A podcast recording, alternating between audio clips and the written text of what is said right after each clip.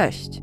Tym razem opowiem Wam historię zaginięcia w malezyjskiej dżungli siódemki uczniów lokalnej wiejskiej szkoły podstawowej. Będzie to historia z elementami, które są zagadkowe, taka gdzie pojawi się wątek fascynujących lokalnych legend, usiłujących jakoś wyjaśnić zdarzenia, które trudno zrozumieć. Jednak przede wszystkim to historia straszna i bardzo smutna, więc uprzedzam, żebyście byli przygotowani na taki właśnie jej odbiór. Rzecz wydarzyła się w miejscu niezwykle odległym, w świecie, którego nie znam i myślę, że nie zna go nikt albo prawie nikt z Was. Miejscem tym była Malezja, kraj w południowo-wschodniej Azji, jednak wydarzyło się to wszystko z dala od dużych miast i nowoczesnych drapaczy chmur w stolicy kraju Kuala Lumpur. Było to w części Malezji położonej na Półwyspie Malajskim na północy, w otoczeniu gęstej dżungli i wśród niewielkich wiosek rdzennych mieszkańców kraju, ludów Orang Asli. Cała populacja Orang Asli przekracza 200 tysięcy ludzi i jest to zaledwie 0,6% całej populacji Malezji, wynoszącej obecnie blisko 33 miliony mieszkańców. Mimo tak niewielkiej liczebności, Orang Asli nie są ludem jednolitym. Osady Orang Asli są rozproszone na obszarach górskich i w dżungli, a każda grupa identyfikuje się z określoną przestrzenią geograficzną i ekologiczną.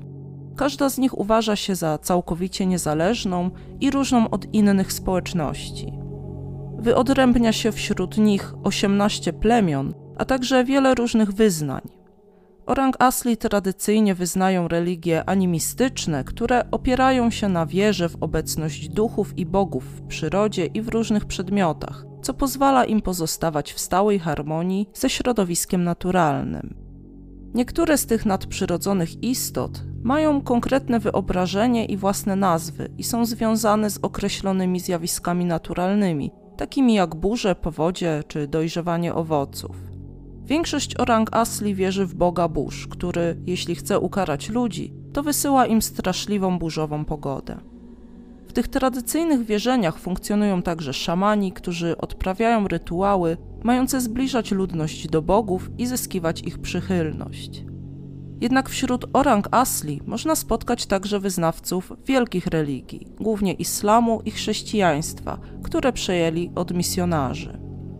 Tym, co łączy plemiona Orang Asli, jest w zasadzie tylko fakt, że wszystkie pozostają na uboczu życia społecznego, gospodarczego i kulturalnego Malezji. Skupione są w małych, odległych wioskach i trzymają się swoich własnych tradycji i rytmu życia. Był sierpień roku 2015, kiedy historia, o której mówię, miała swój początek a miejscem wydarzeń były okolice wiejskiej szkoły Sekola Kebangsan Postohoi, podstawówki z internatem przeznaczonej dla dzieci z plemion Orang Asli, zamieszkałych w kilku okolicznych wioskach. Jak oczywiście możecie się domyślać, dzieci z ludów Orang Asli nie mają łatwego dostępu do szkół, nawet tych podstawowych, tak jak jest to w naszym świecie. W roku 2015 Postohoi była jedyną szkołą w promieniu kilkudziesięciu kilometrów i znajdowała się około godziny drogi pieszo od najbliższych domostw Orang Asli i prawie 30 kilometrów od ich największych wiosek. Stąd wielu spośród uczniów, mimo bardzo młodego wieku, nawet w wieku 7 lat, była zmuszona mieszkać w szkolnym internacie, aby móc zdobyć wykształcenie. Był 22 sierpnia, kiedy stało się coś, co zapoczątkowało dalsze wydarzenia. Właściwie myślę, że można powiedzieć, że nie stało się nic tak wielkiego. Około godziny 13 grupa 25 uczniów Postohoj, dziewczynek i chłopców w różnym wieku między 7 a 11 lat, bez pozwolenia i nadzoru poszła popływać w rzece Sangay Perias, która przepływa w pobliżu szkoły. Zauważył ich według różnych źródeł strażnik szkolny albo nauczyciel. W każdym razie człowiek ten doniósł na dzieci naczelnikowi szkoły. Kiedy dzieci wróciły, trzech z tej dwudziestki piątki uczniów zostało wezwanych do naczelnika, który poinformował ich, że cała grupa zostanie ukarana następnego dnia. Około godziny 21 tego samego dnia 23 z tej 25-osobowej grupy uczniów, przerażona wizją kary, jaką mieli dostać kolejnego dnia, wspólnie planowała ucieczkę do swoich wiosek Kampung Penat i Kampung Gawin, aby przed nadchodzącą karą ukryć się w domach rodziców. Uczniowie ustalili, że uciekną następnego dnia, czyli 23 sierpnia, wczesnym rankiem. Czy dzieci miały czego aż tak się bać, że chciały uciekać przez dżunglę do domów? Niestety wydaje się, że tak, ale do tego wrócimy jeszcze na chwilę w dalszej części filmu. Już samo to, że w artykułach o ich szkole pisze się o naczelniku, w angielskich źródłach jest często używane określenie warden, słowo charakterystyczne dla naczelników więzień, a także o szkolnych strażnikach, zdaje się rysować atmosferę surowej dyscypliny tego miejsca. 23 sierpnia strażnik internatu podczas porannego obchodu zauważył, że 23 uczniów zniknęła i nie było ich nigdzie na terenie ośrodka mieszkalnego. Przed dziewiątą rano poinformował o tym władze szkoły. Naczelnik wraz z asystentem kierownika internatu, ochroniarzami i dwoma innymi pracownikami szukali zaginionych uczniów, także wędrując po dżungli, która rozpościera się tuż za granicami szkoły. Przez wiele godzin nie natrafili na dzieci, a sytuacja wyglądała bardzo niepokojąco. Około godziny 18 spora grupa uczniów samodzielnie wróciła na teren szkoły. Było w niej jednak 16 uczniów i uczennic, więc nadal brakowało pozostałych siedmiu uciekinierów. Dzieci z grupy, która wróciła, dały się przekonać, żeby wrócić do szkolnego internatu i wyznały, że rzeczywiście wraz z zaginioną siódemką zaplanowały poprzedniego dnia ucieczkę do domów. Ale wystraszyły się drogi, którą musiały pokonać i pomimo strachu wróciły do szkoły dobrowolnie. Tych siedmioro jednak odłączyło się od grupy, nie chciało zawrócić do szkoły i kontynuowało drogę do swoich wiosek. W grupie zaginionych było sześć dziewczynek i jeden chłopiec. Podam ich imiona i wiek, czytając część z nich być może niepoprawnie, za co z góry przepraszam. Juvina David, lat 7, Linda Rosli, 8, Sasa Sobri, 8, Ika Ayel, 9, Mirsudiar Alucz, 11, Norien Jakob, 10 lat i jej młodszy brat Haikal Jakob, lat 8. Kierownictwo szkoły zwróciło się o pomoc do mieszkańców malutkiej wioski przyległej do placówki i wraz z kilkoma ochotnikami szukało zaginionych uczniów jeszcze od 21 do 3 w nocy, czyli rozpoczął się już kolejny dzień, 24 sierpnia. Tego dnia władze szkolne i mieszkańcy kontynuowali poszukiwania w godzinach od 8 rano do 15. W artykule, w którym wydarzenia te omawiał Datuk Mazlam Lazim, przedstawiciel policji z miasta Guamusang, które prowadzi nadzór nad regionem, zacytowało, że te poszukiwania rozciągały się na obszar w odległości jednego kilometra od szkoły, czyli mam wrażenie, że bardzo blisko. Może ma to sens, jeśli przeszukiwano dżunglę, która jest bardzo trudnym terenem, ale jeśli dzieci trzymały się drogi, to przez ponad dobę z pewnością zaszły znacznie dalej. Także osobiście mam pewne wątpliwości co do tych poszukiwań. Również tego dnia, 24 sierpnia, pracownicy szkoły pojechali do wiosek Kampung Penat i Kampung Gawin, gdzie spotkali się z rodzicami zaginionych uczniów. Wreszcie poinformowali ich o zaistniałej sytuacji, a także upewnili się, że żadne z dzieci faktycznie nie dotarło do domu. Jako, że poszukiwania prowadzone przez szkołę na własną rękę nie przynosiły rezultatów, a być może również pod presją na pewno zaniepokojonych rodzin dzieci, szkoła wreszcie złożyła zawiadomienie o ich zaginięciu na komendzie głównej policji Guamusang. Stało się to w nocy z 24 na 25 sierpnia o godzinie 2.25. Czyli na tym etapie uczniowie, przypomnę, w wieku między 7 a 11 lat byli zdani tylko na siebie i sami w dżungli przez około dwie doby. Wytłumaczeniem, dlaczego szkoła tak późno zgłosiła sprawę zaginięcia uczniów na policję, również cytując przedstawiciela policji, było to, że ucieczki dzieci zdarzały się już wcześniej, ale zawsze kończyły się dobrze, bo dzieci rzeczywiście odnajdywały się w domach. Myślę, że szkoda to w ogóle komentować. Pierwsze siły policji przybyły do Postohoi 25 sierpnia o godzinie 9.30. Nie jest to przesada, tylko informacja oficjalna, że był to zespół pięcioosobowy. Na teren poszukiwań jednak zaczęły w końcu napływać zorganizowane siły poszukiwawcze z różnych jednostek, w tym kolejne siły policji, ekipy ratunkowe Straży Pożarnej oraz osoby prywatne działające w charakterze ochotników. Oficjalnie grupy te zaczęły działać tego samego dnia, 25 sierpnia, ale według artykułów powołujących się na informacje od rodzin zaginionych i obserwatorów niezależnych, o masowych poszukiwaniach można mówić dopiero od 27 sierpnia, czyli czwartego dnia po zaginięciu siódemki dzieci. Kiedy poszukiwania rzeczywiście ruszyły, to można powiedzieć, że były już intensywne. Na początku liczba zaangażowanych osób wynosiła 65, a do pomocy sprowadzono psy tropiące. Ekipy pracowały codziennie mniej więcej od 9 do 18 bez dni przerwy. Zakładano, że dzieci poruszały się na północ wzdłuż drogi, jednak mogły zagubić się w gęstwinie dżungli i ewentualnie przemieszczać w poszukiwaniu pożywienia. Mimo angażowania coraz większej ilości jednostek i sił, poszukiwania nie przynosiły żadnych rezultatów. Przez kolejne dni nie znaleziono kompletnie żadnych śladów dzieci, ani wskazówek mogących pomóc jakkolwiek określić ich położenie czy kierunek wędrówki. Nie odnaleziono nic. 1 września ekipy poszukiwawcze znalazły w dżungli parę białych rajstop, co uznano za trop wskazujący na kierunek poszukiwań. Ustalone zostało jednak, że żadne z dzieci nie miało takich rajstop i nie należały one do nikogo z zaginionych. W trakcie akcji poszukiwawczej pojawiły się sprawy budzące kontrowersje, związane przede wszystkim z kwestiami traktowania ludzi o rang asli przez państwowych funkcjonariuszy, którzy zarządzali poszukiwaniami. Członkowie rodzin zaginionych dzieci twierdzili, że władze zorganizowały naloty i przeszukały ich domy w środku nocy, oskarżając rodziny o ukrywanie własnych dzieci. Chyba jeszcze bardziej szokującą sprawą były listy, które rodzice zaginionych dzieci otrzymali 2 września. Listy przyszły ze szkoły Postochoj i napisano w nich, że w związku z brakiem usprawiedliwienia dla nieobecności dzieci w szkole od 23 sierpnia zostaną skreślone z listy uczniów w ciągu 31 dni.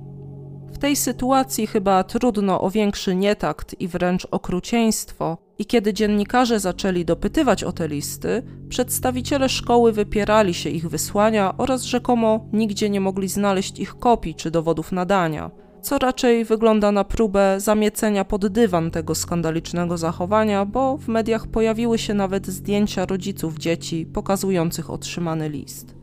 9 września do poszukiwań dołączyło 200 żołnierzy malezyjskiej armii oraz cztery helikoptery bojowe, patrolujące obszar poszukiwań z powietrza.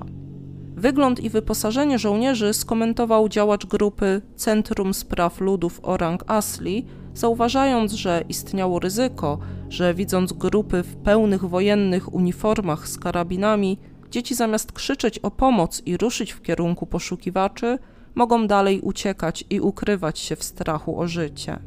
Wraz z wojskiem na miejsce dotarł oddział policji z wyspecjalizowaną jednostką psów tropiących, mających wyśledzić obecność zwłok w dżungli. Według informacji z policji Guamusang, w tym szczytowym okresie poszukiwań, brało w nich udział około 350 osób. Ekipy ponownie przeczesały tereny bliższe, stopniowo rozszerzając obszar poszukiwań, najpierw z 3 do 5 km, do 10, następnie coraz dalej, nadal jednak bez rezultatów. Członkowie ekip poszukiwawczych, rozmawiając z lokalnymi mediami, podkreślali, jak bardzo nietypowe było to zaginięcie. Na okolicznym terenie jest dosłownie jedna droga prowadząca w kierunku wiosek dzieci, więc jeśli chciały tam rzeczywiście dotrzeć jak najszybciej, to powinny iść drogą. A skoro zniknęły, to znaczy, że celowo chciały się ukryć, wchodząc po stromym poboczu w gęstwinę dżungli. Można zadać pytanie, jak wielki strach musiał nimi kierować, że wolały same zagłębiać się w dżunglę, spędzać tam dnie i straszne, ciemne noce, niż ryzykować spotkanie z innym człowiekiem na drodze. 17 września obszar poszukiwań został rozszerzony na tereny w promieniu 140 km z uwzględnieniem wiosek leżących w tej okolicy. Ze względu na brak jakichkolwiek poszlak, rozważano scenariusz, że dzieci mogły zostać uprowadzone. W obliczu sytuacji tak dramatycznej, a jednocześnie tak bardzo zagadkowej i tajemniczej, ludzie Orang Asli zaczęli odwoływać się do swojej wiary i rytuałów. Na miejscu zaginięcia i w dżungli pojawiali się szamani recytujący święte wersy oraz odprawiający rytuały, a członkowie ekip poszukiwawczych pochodzący z rdzennych plemion otwarcie przywoływali wierzenia w zjawiska i istoty w dżungli, które mogły przetrzymywać dzieci. Chodzi o wiarę w takie zjawisko, że dzieci były w dżungli, może nawet w pobliżu, ale były niewidoczne, przetrzymywane przez określanych tak w tradycji orang asli ukrytych ludzi. Są to zjawy nazywane orang biunian, istoty nadprzyrodzone mieszkające w głębokiej dżungli i w górach, o których mówi się, że są niewidzialne dla ludzi, z wyjątkiem tych obdarzonych duchowym wzrokiem. Ich nazwę dosłownie tłumaczy się jako ukryci ludzie lub gwiżdżący ludzie. Orang Biunian są opisywane jako piękne istoty, ubrane w szaty w starożytnym południowo-wschodnim azjatyckim stylu i wyglądające jak ludzie. Mają nadprzyrodzone moce i muszą zostać ułagodzone pewnymi rytuałami i traktowane z szacunkiem, zanim ludzie będą mogli wkroczyć na tereny, które zamieszkują. Zjawy te mają moc zaburzania czasu dla osób, które wnikną do ich społeczności. Według niektórych opowieści w tradycji Orang Asli byli mężczyźni, którzy poślubili kobiety Orang Biunian, ale później postanowili opuścić ich społeczność i wrócić do rodzin, które pozostawili w prawdziwym świecie. Jednak po powrocie do ludzkiego społeczeństwa odkryli, że minęło wiele lat i wszyscy, których kiedyś znali, już umarli. Wnikając do społeczności Orang Biunian pod wpływem mocy zjaw, realni ludzie stawali się także niemożliwi do odnalezienia, nawet jeśli szukali ich bliscy czy ekipy ratunkowe. The Star Malaysia podaje jako przykład historię z maja 2002 roku, kiedy 15-letni Moht Kairi zaginął z obozowiska na zboczu góry Gunung Tebu na północy Malezji. W ramach akcji poszukiwawczo-ratowniczej z udziałem ponad 100 osób wielokrotnie przeczesywano teren przez 5 dni, ale nie udało się znaleźć chłopaka.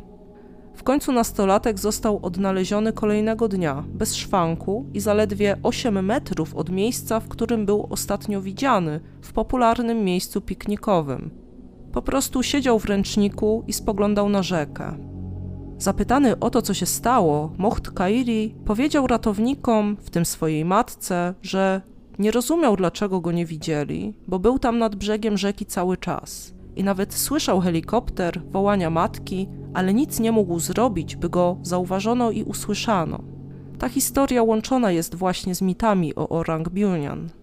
Można znaleźć wiele relacji ludzi, którzy doświadczali uczucia w dżungli, że ktoś ich obserwuje, albo twierdzili, że słyszeli w gęstwinie piękną muzykę, która nagle urywała się, gdy zaczęli iść w jej kierunku. Są relacje osób, które uważały, że ktoś przemieszczał ich rzeczy w obozowisku albo przeszkadzał im spać, ale osoby te były niewidzialne.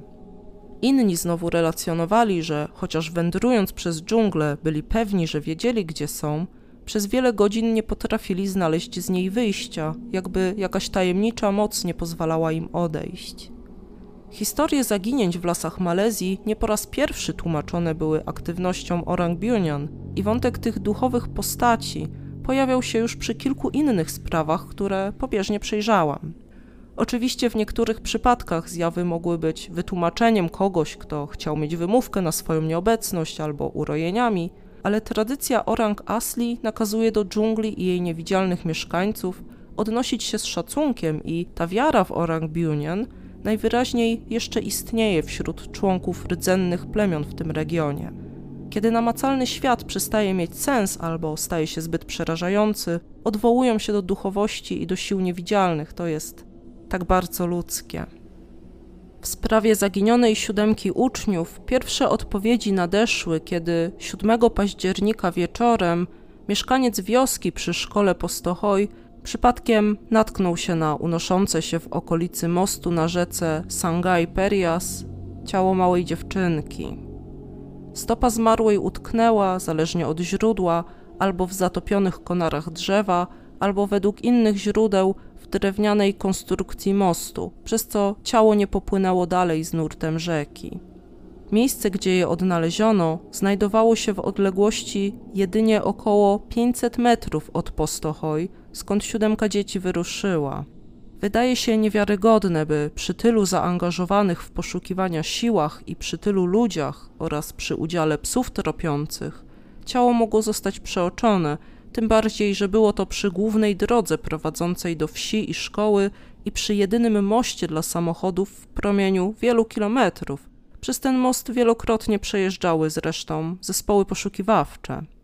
Stąd należało zakładać, że ciało nie mogło znajdować się w tym miejscu długo i że dziewczynka zmarła gdzieś dalej w górze rzeki, a z czasem zwłoki spłynęły z jej nurtem. Ciało zostało przewiezione do oddalonego o około 60 km szpitala w Guamusang na sekcję zwłok.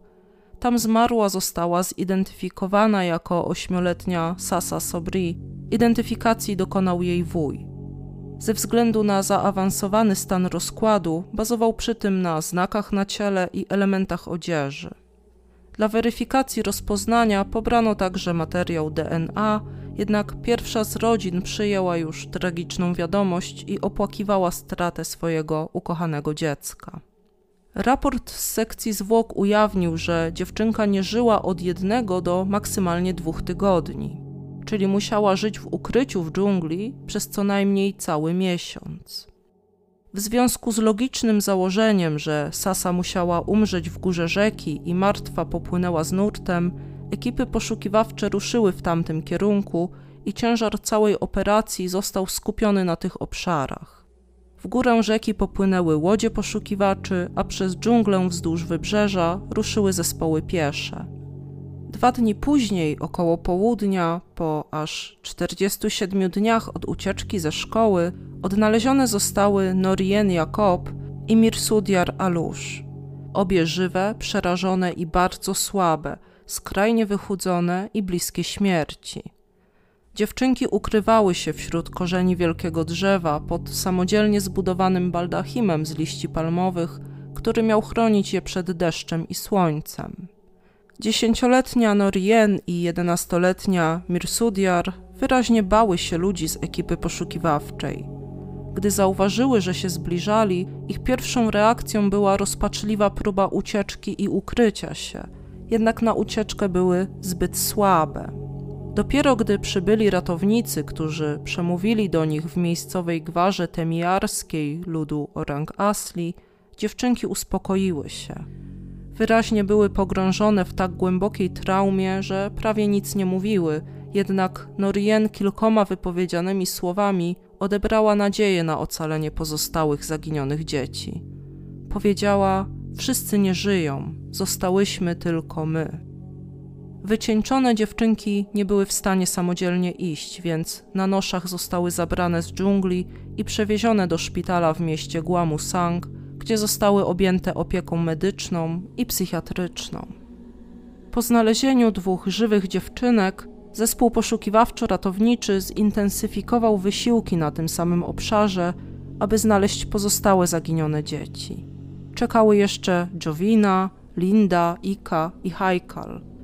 Faktycznie odtąd już poszukiwania zaczęły ujawniać ciała kolejnych zmarłych dzieci. Jeszcze tego samego dnia, 800 metrów od mostu, przy którym znaleziono unoszące się w wodzie ciało Sasy, na brzegu rzeki znaleziono czaszkę i kości klatki piersiowej dziecka, które nie były możliwe do identyfikacji. Czaszka miała wiele pęknięć, prawdopodobnie spowodowanych upadkiem z wysokości. Rodzice uznali, że szczątki były ciałem Iki Ayel, bo obok kości znaleziono jej unikatową, ręcznie wykonaną bransoletkę, którą od razu poznali. Następnego dnia, w sobotę 10 października, z rzeki Sangay Perias wyłowiono szczątki kolejnego dziecka, które zostały zidentyfikowane jako Javina przez jej ojca Dawida Kuasama. Bardzo trudno było mi znaleźć konkretne informacje na temat odnalezienia pozostałej dwójki dzieci. Wiem, że ciało chłopca, Hajkala, zostało również wkrótce odnalezione, ale nie mogłam doszukać się informacji, kiedy dokładnie to się stało, ani w jakim dokładnie miejscu. Ostatniej dziewczynki szukano natomiast długo i pod koniec stycznia 2016 roku, czyli ponad 4 miesiące po znalezieniu pozostałych ciał, media jeszcze podawały, że była ona nadal poszukiwana. Pogrzeby czwórki dzieci odbyły się w Kampung Penat w niedzielę 25 października oraz w Kampung Gawin następnego dnia. Rodziny otrzymały wsparcie finansowe od organizacji wspierających rdzennych mieszkańców, by poradzić sobie z kosztami pochówków. Niestety w tej historii smutne fakty zdają się nigdy nie kończyć. Dwa dni wcześniej, 23 października, z malezyjskiego Departamentu Chemii i Patologii wróciły wyniki badań DNA pierwszego ciała i okazało się, że identyfikacja przez wuja Sasy Sobri była błędna, a zwłoki znalezione przy moście należały w rzeczywistości do Lindy Rosli. Rodzina Sasy, która już przygotowywała do pogrzebu swoją córkę, stanęła przed okrutną prawdą, że w rzeczywistości nie tylko opłakiwali nie swoje dziecko, ale ponadto ciało Sasy w ogóle nie było jeszcze znalezione. I powiem wam szczerze, że nie dotarłam do żadnego źródła, które podałoby, kiedy znalezione zostało ciało Sasy Sobri. Dziewczynka została uznana oficjalnie za zmarłą, co jest założeniem realnym i uzasadnionym, a ponadto zgodnym z tym, co przekazały ocalone Norien i Mirsudiar. Jednak to, czy fizycznie odnaleziono jej ciało i czy została oddana rodzinie i pochowana, to dla mnie niejasne i możliwe, że nie odnaleziono jej nigdy.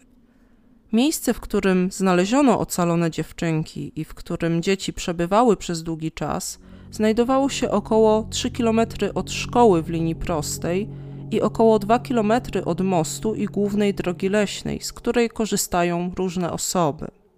Większość obserwatorów, zwłaszcza związanych z organizacjami wspierającymi interesy ludów Orang Asli, zauważyła w toku sprawy, że nie była to niemożliwa odległość do pokonania, nawet dla małych dzieci i nawet pomimo trudnego ukształtowania terenu. Jak więc rozumieć to, że mimo poszukiwań przez znaczne siły i przez tak wiele dni dzieci nie zostały znalezione? Przede wszystkim wydaje się, że mimo szeroko zakrojonych poszukiwań, teren, gdzie były dzieci, nie został przeszukany dokładnie. Należy zauważyć, że obszar wzdłuż rzeki nie był traktowany priorytetowo z dwóch powodów.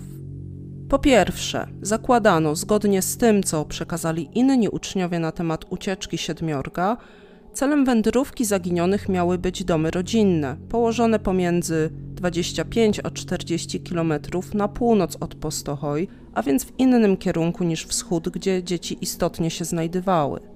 Jeśli dzieci faktycznie szły w kierunku swoich wiosek, to uznano, że przeszłyby przez most przez rzekę i kontynuowały wędrówkę wzdłuż drogi, być może przez dżunglę, aby nie zostać zauważone, ale jednak na północ. Po drugie, obszar ten uznano za zbyt trudny do poruszania się dla dzieci ze względu na gęstą strukturę dżungli oraz wysokie zbocza, przez które musiałyby przedrzeć się, czy to schodząc z drogi, czy idąc od rzeki. Fakt, że w pobliżu rzeki szukano niedokładnie, znajduje potwierdzenie w kilku źródłach.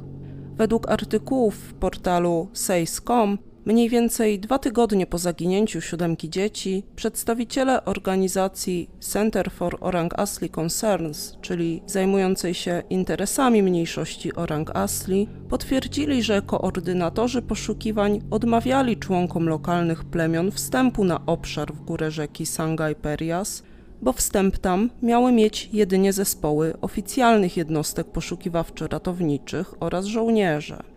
Ci jednak skupiali się na poszukiwaniach w obszarze na północ od szkoły.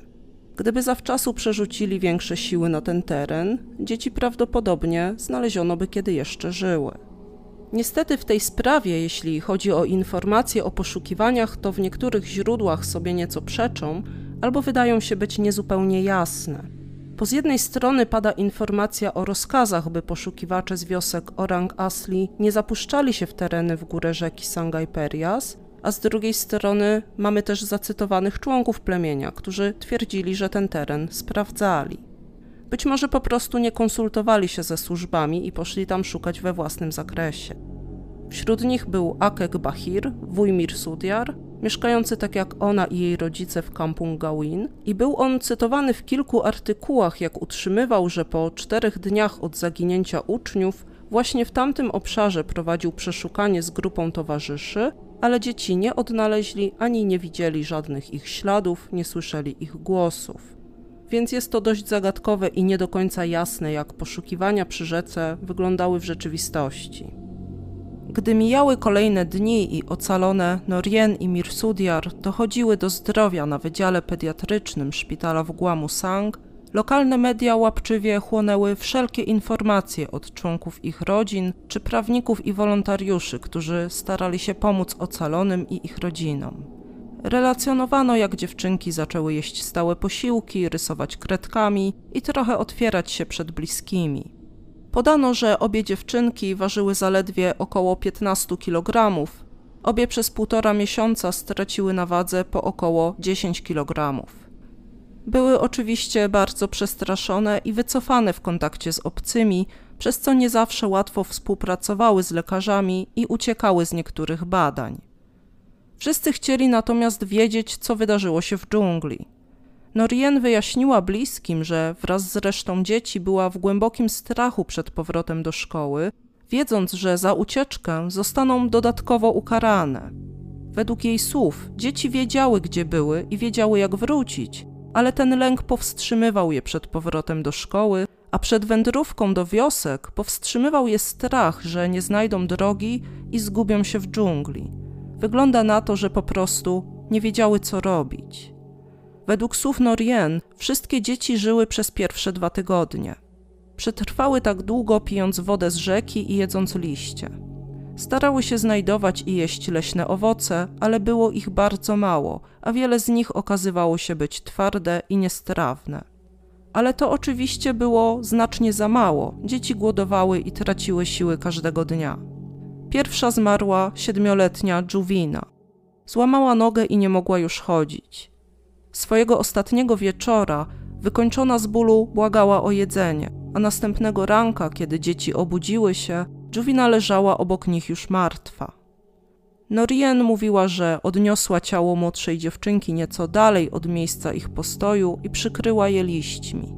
Przez kolejne dni dzieci obserwowały, co działo się z jej martwym ciałem, jak muchy lądowały na jej oczach i ustach, włosy wypadały, jak na ciele zamieszkały robaki i larwy. Widziały tak niewyobrażalnie straszne rzeczy. Dzieci rozumiały wtedy, że musiały wrócić i tak bardzo chciały wrócić, ale były już za słabe, by przedzierać się przez dżunglę. Kolejny zmarł Haikal, młodszy brat ocalałej Norien. Wpadł do rzeki, gdy próbował napić się wody, a pozostała piątka dziewczynek była zbyt słaba, by mu pomóc. Po prostu odpłynął z nurtem, najprawdopodobniej od razu utonął. Norien powiedziała, że następnie zginęły kolejno Sasa, Ika i Linda. Jednak tutaj już bardzo trudno odtworzyć przebieg dramatycznych wydarzeń tamtych dni. Według relacji ocalałych dziewczynek, dziewięcioletnia Ika zmarła z powodu odniesionych obrażeń po tym, jak została przebita bambusem podczas upadku ze stromego brzegu rzeki. Dwie z pozostałych zmarłych musiały zostać zabrane przez rzekę, być może w czasie snu. Tego tak naprawdę Norien i Mirsudiar same nie wiedziały. Po prostu którychś poranków obudziły się i zauważyły, że jedna z pozostałych dziewczynek zniknęła, aż zostały tylko one dwie. Część lokalnych malajskich źródeł cytowała dodatkowo bardzo zagadkowe wypowiedzi, jakie miały padać z ust ocalonych dziewczynek. Według kilku źródeł Norien miała stwierdzić, że ona i Mirsudiar przetrwały w dżungli tak długo, bo od czasu do czasu pojawiał się przy nich ktoś, kto dawał im jedzenie.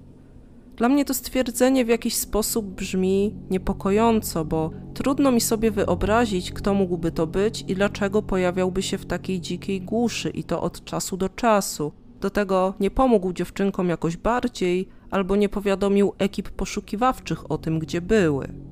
Być może było to wyobrażenie, majaczenie spowodowane wygłodzeniem i wycieńczeniem dziewczynek.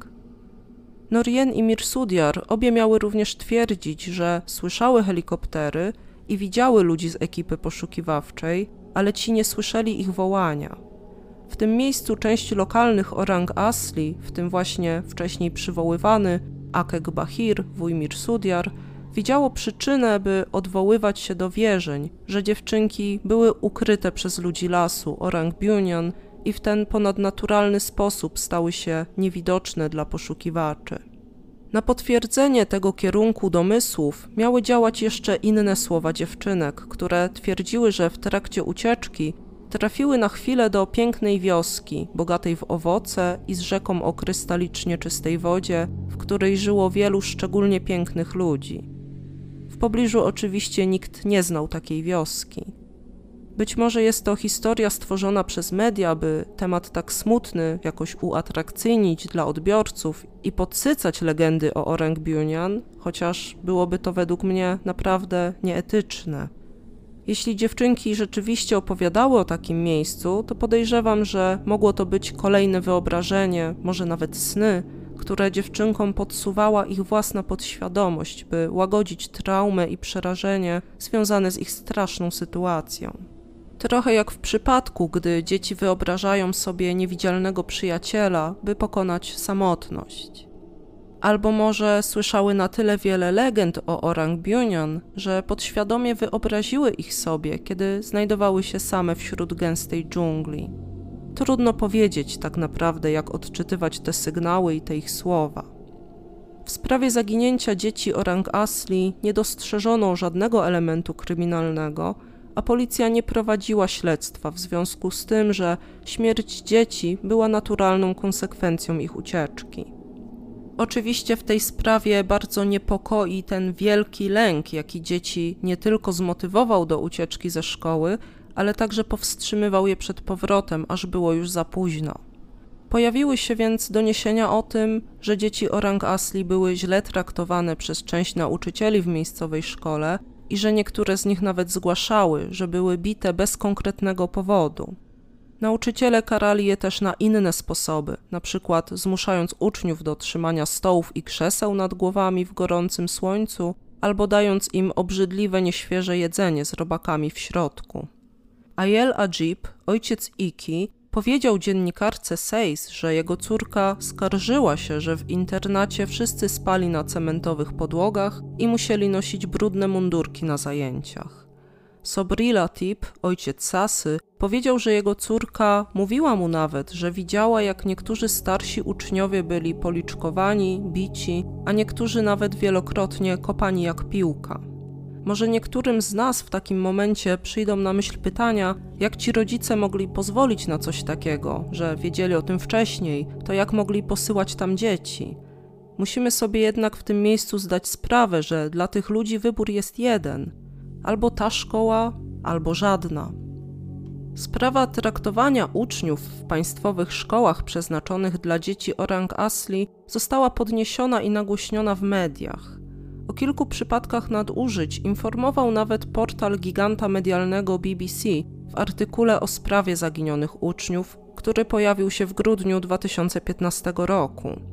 W samej szkole Postohoj nauczyciele niechętnie w ogóle rozmawiali o zarzutach o stosowanie kar cielesnych, jedynie im zaprzeczali i prosili, by w artykule nie podawać ich danych. Podano za to inne przypadki ze szkół w regionie. W czerwcu tamtego samego roku w nieodległej szkole Kuala Betis dziesięcioletni uczeń miał zostać związany, skopany i pobity przez nauczycieli po tym, jak został oskarżony o kradzież pieniędzy jednego z nich. Policja Guamusang potwierdziła wiedzę o sprawie, ale mimo że minęło wtedy od tego incydentu już pół roku, sprawa miała być w toku wyjaśniania. W innym przywołanym przez BBC przypadku Cztery uczennice zostały spoliczkowane przez nauczyciela, ponieważ odmówiły odmawiania muzułmańskiej modlitwy przed posiłkiem. Dziewczynki nie były muzułmankami, jednak w szkołach dla orang asli ta wiara bywa krzewiona przez władze państwowe na siłę, bez poszanowania dla tradycji ludów, dla których przecież te szkoły są przeznaczone. Według BBC jest mnóstwo raportów policyjnych z podobnych zajść i listów rodziców ze skargami, ale w sprawach dzieci orang asli nic się nie dzieje. Po tych tragicznych wydarzeniach, po śmierci piątki uczniów, znaczna część rodziców uczniów Postochoj zabrała swoje dzieci z placówki w obawie o ich bezpieczeństwo. Przed ucieczką i tragedią siódemki szkoła miała na liście uczniów 223 osoby. Po śmierci piątki podopiecznych liczba dzieci nadal uczęszczających do Postochoj wynosiła około 100 uczniów. Tym samym ponad setka dzieci całkowicie straciła dostęp do edukacji, a zmniejszona frekwencja utrzymywała się nie przez miesiąc czy dwa, ale przynajmniej przez kolejne cztery lata, bo dopiero w 2019 roku pojawiły się doniesienia mediów o istotnym wzroście liczby uczniów w Postohoi. Ocalone dziewczynki oczywiście były pogrążone w głębokiej traumie i ani one, ani ich rodzice nie chcieliby wracały do Postohoi. Jeszcze w sierpniu 2016 roku, czyli około rok po tej tragicznej w skutkach ucieczce siódemki dzieci, lokalne media podawały, że Norien i Mirsudiar nie wróciły do szkoły. Natomiast miały rozpocząć kolejny rok szkolny już w innej placówce SK Kuala Betis, znajdującej się jeszcze dalej na południe od ich wiosek. Mam nadzieję, że ich losy potoczyły się szczęśliwie, bo w ostatnich latach już nie pojawiały się o nich nowe wiadomości. Jednak trauma, z jaką musiały się mierzyć, z pewnością będzie trwać z nimi wiele lat, a może i całe życie. Oczywiście nie muszę chyba dodawać, że kierownictwo szkoły SK Postohoj nie poczuwało się do winy w całej tej sytuacji, co nie rokowało poprawie standardów w placówce. Organizacje walczące o prawa ludności Orang Asli apelowały o powstanie nowej szkoły w regionie, bliżej wiosek Orang Asli, w miejsce Postohoj albo oprócz niej. Jednak nie wygląda na to, że zrobiono wiele w tej sprawie.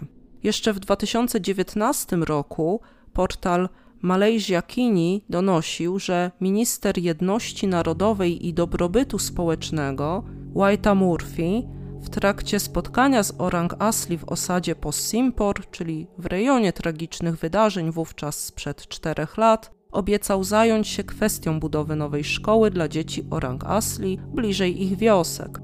Czyli jak widać, nowa szkoła była wówczas nadal w sferze jedynie obietnic.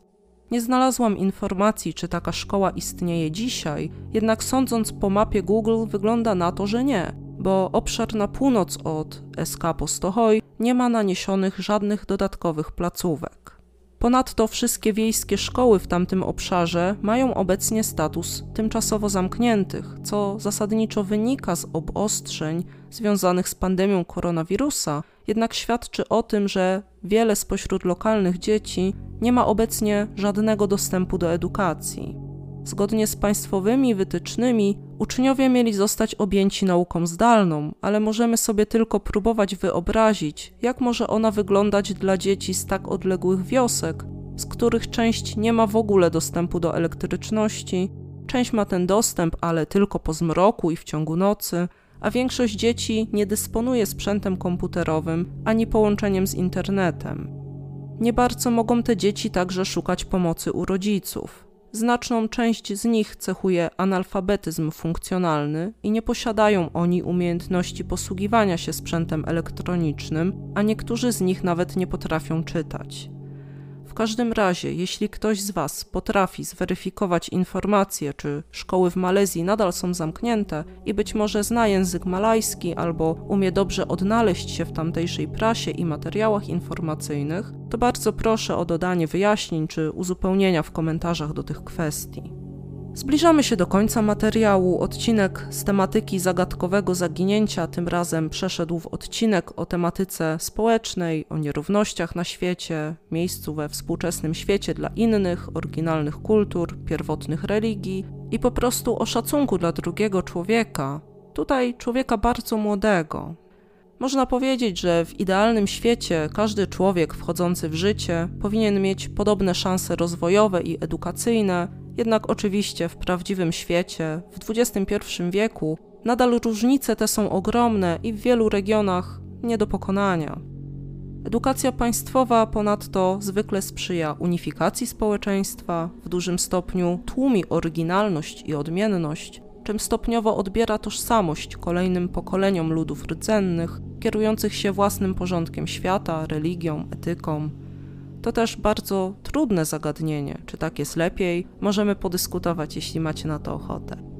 W każdym razie, mam nadzieję, że odcinek Wam się podobał, chociaż był oczywiście smutny i taki inny niż to, co zwykle pojawia się na kanałach związanych z tematyką kryminalną, ale myślę, że ci, co już mój kanał znają, wiedzą, że tematy często są dość nietypowe i mam nadzieję, że lubicie także i takie.